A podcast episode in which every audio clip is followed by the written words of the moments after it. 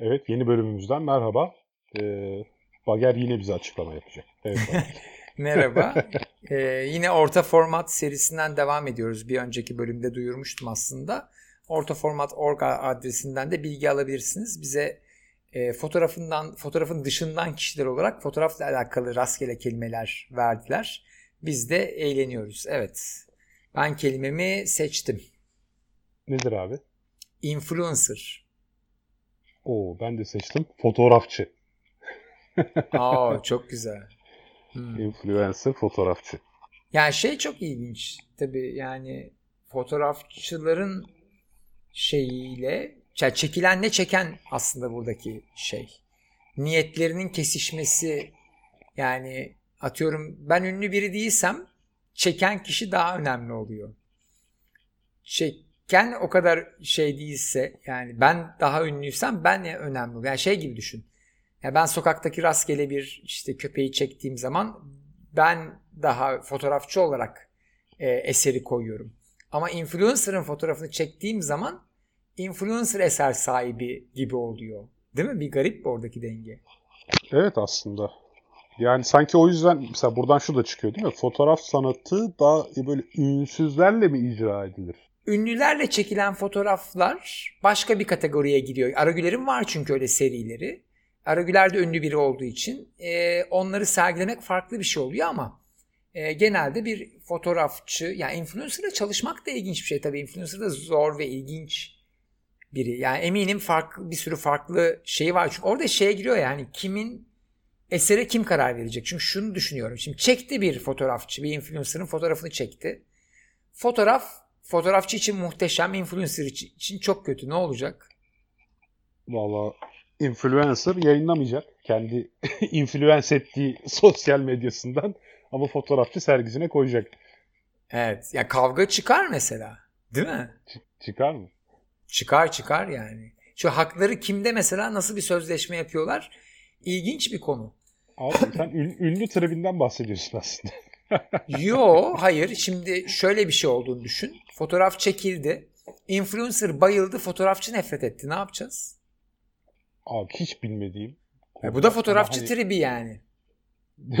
Doğru diyorsun harika. Evet. Sen kendim üzerinden düşüneyim. Ben çok ünlü birini biri olduğumu varsayayım. Benim bir fotoğrafım çekildi beğenmedim. Ben derim yok abi ben bunu beğenmedim bunu yayınlama. Ama adam eser kimin işte anladın mı? Çok güzel bir arada kaldık yani. Adam dedi ki ulan ben fotoğrafçıyım sana mı soracağım dedi. Ya ama fotoğraftaki de benim. Ama dağın fotoğrafını çektin mi hiç dağa sormuyordun. Ama şimdi tabii dağa sormuyorum da dağın orada hakları yok. Şimdi ama burada neticede fotoğrafı çekilen kişi benim fotoğrafım bu. Ben müsaade etmiyorum deme hakkına sahip değil mi? Evet evet ama sözleşme nasıl yapılıyor onu merak ettim işte. Demek ki oradaki sözleşme yapılmıyorsa ne oluyor? Yani çünkü şöyle bir şey var. Bir fotoğrafçının da fotoğraf Sözleşmeyle çekme... bu hak devredilebilir mi ya? Benim yani sözleşme işte ne çekersen çek ben karışamayacağım. Devredilir. İstediğin gibi e sen... yayınlayabilirsin diye devredebilir miyim ben bunu? Model tutuyorsun mesela. Reklam çekimi yapıyorsun. Model ben istemiyorum deme hakkına sahip mi orada yani? Doğru değil. Ama orada model model zaten. Yani Burada demek istediğim da... şu Hayır, şey, hayır tamam. Ya şunu söylemek istiyorum. Yani ben orada model zaten orada genelde isimsizdir. O modeldir. Kim kime para ödüyorya geldi şimdi bak kötü bir tarafa geldi yani aslında. Çünkü ünsüz biriysen ben fotoğrafçıya para ödüyorum. Yo her zaman fotoğrafçıya para Yo, ödüyorum. Tamam işte ama model orada model senin dediğin model ünsüz kapsamına giriyor. Ha yok mesela dedim ki ben Tevfik'cim gelir misin model olarak senin çekimde kullanacağız. Şimdi ben sana para vermek zorundayım.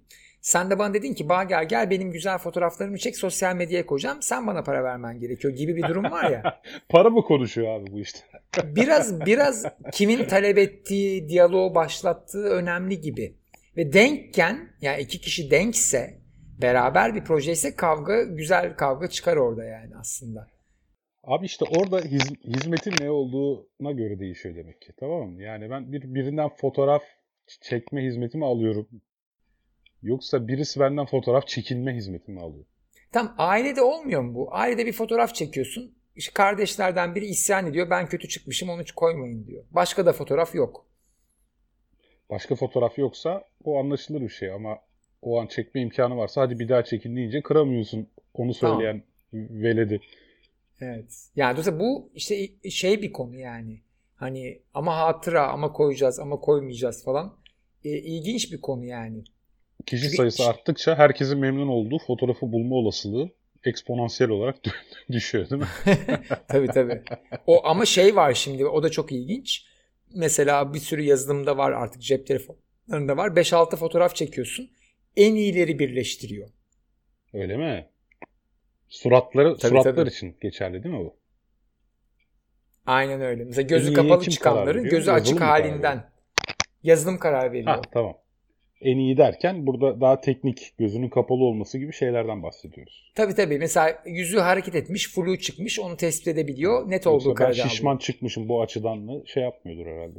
Bir süre sonra oralara girebiliriz yani. Değil mi? Aynı salak gülmüşüm mü falan şey anlayabilir. Yapay zeka anlayabilir herhalde. Evet. Çünkü şey çok ilginçti mesela hatırlıyorum ya ince çek diye bir kalıp vardı yani. Ben çocukken annem sürekli söylerdi beni ince çek. Yani o bir şey gibiydi yani. Ne demek o falan ince çek yani gerçekten. Bir bilgi var orada baktığında yani ben ince çekin ne olduğunu bir yapay zekaya train ettirebilirim mesela. Onu anlayabilir. Hatta şey de ettirebilirsin yani kendi beğendiğin beğenmediğin fotoğrafları etiketlersin. O az çok yüzünün hangi açıdan, nasıl güldüğünde kendini beğendiğini, gözlerinin konumu nasılken kendini bunların hepsini öğrenebilir. Ama orada da garip bir konu var işte mesela yani şeye bakıyorum şimdi influencer'a gireceğim geri. Mesela onların hazır pozları var. Aynı pozu veriyor mesela. Yani tek pozu var anladın mı neredeyse? Yani beş tane pozu var atıyorum. Sadece onları veriyor mesela. Yani doğal görmüyorsun. Yani fotoğrafı çekeceğim deyince bir kafa eğiliyor, bir açı geliyor falan böyle. Ama bu normal değil mi ya? İşte o da öyle bir şey. Mod, gerçek değil işte onu demek istiyorum. Modelleniyor yani. Orada bir gerçeği Başka türlü bir değiştirme var. Yani o zaman direkt kafanı 3D olarak koyalım oraya. Sen fotoğrafa verme pozunu zaten. Biz senin en güzel halini biliyoruz. Hatta şey var ya şu anda.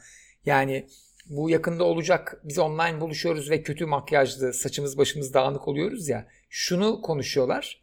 Senin en güzel halinin modelini yapıp e, şu anki darma duman halinin kameradan verisini alıp en güzel halini gösterecek kamera. Yani sen yeni uyanmış olacaksın gözlerin pört demiş falan ama selfie çektiğin zaman o en güzel halin makyajlı halin yani zayıf halinle çıkacak mesela fotoğraf. Ya o da 18 yaşındaki. Evden çalışmaya başlayınca ortaya çıktı herhalde. Sabah toplantıya geliyorsun yeni uyanmışsın. evet.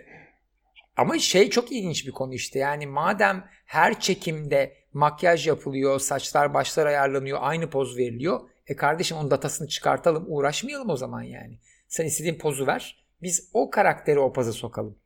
Kolay mı ama o sırada benim dudağımı sesimi analiz ederek o modelin de ağzını burnunu oynatması?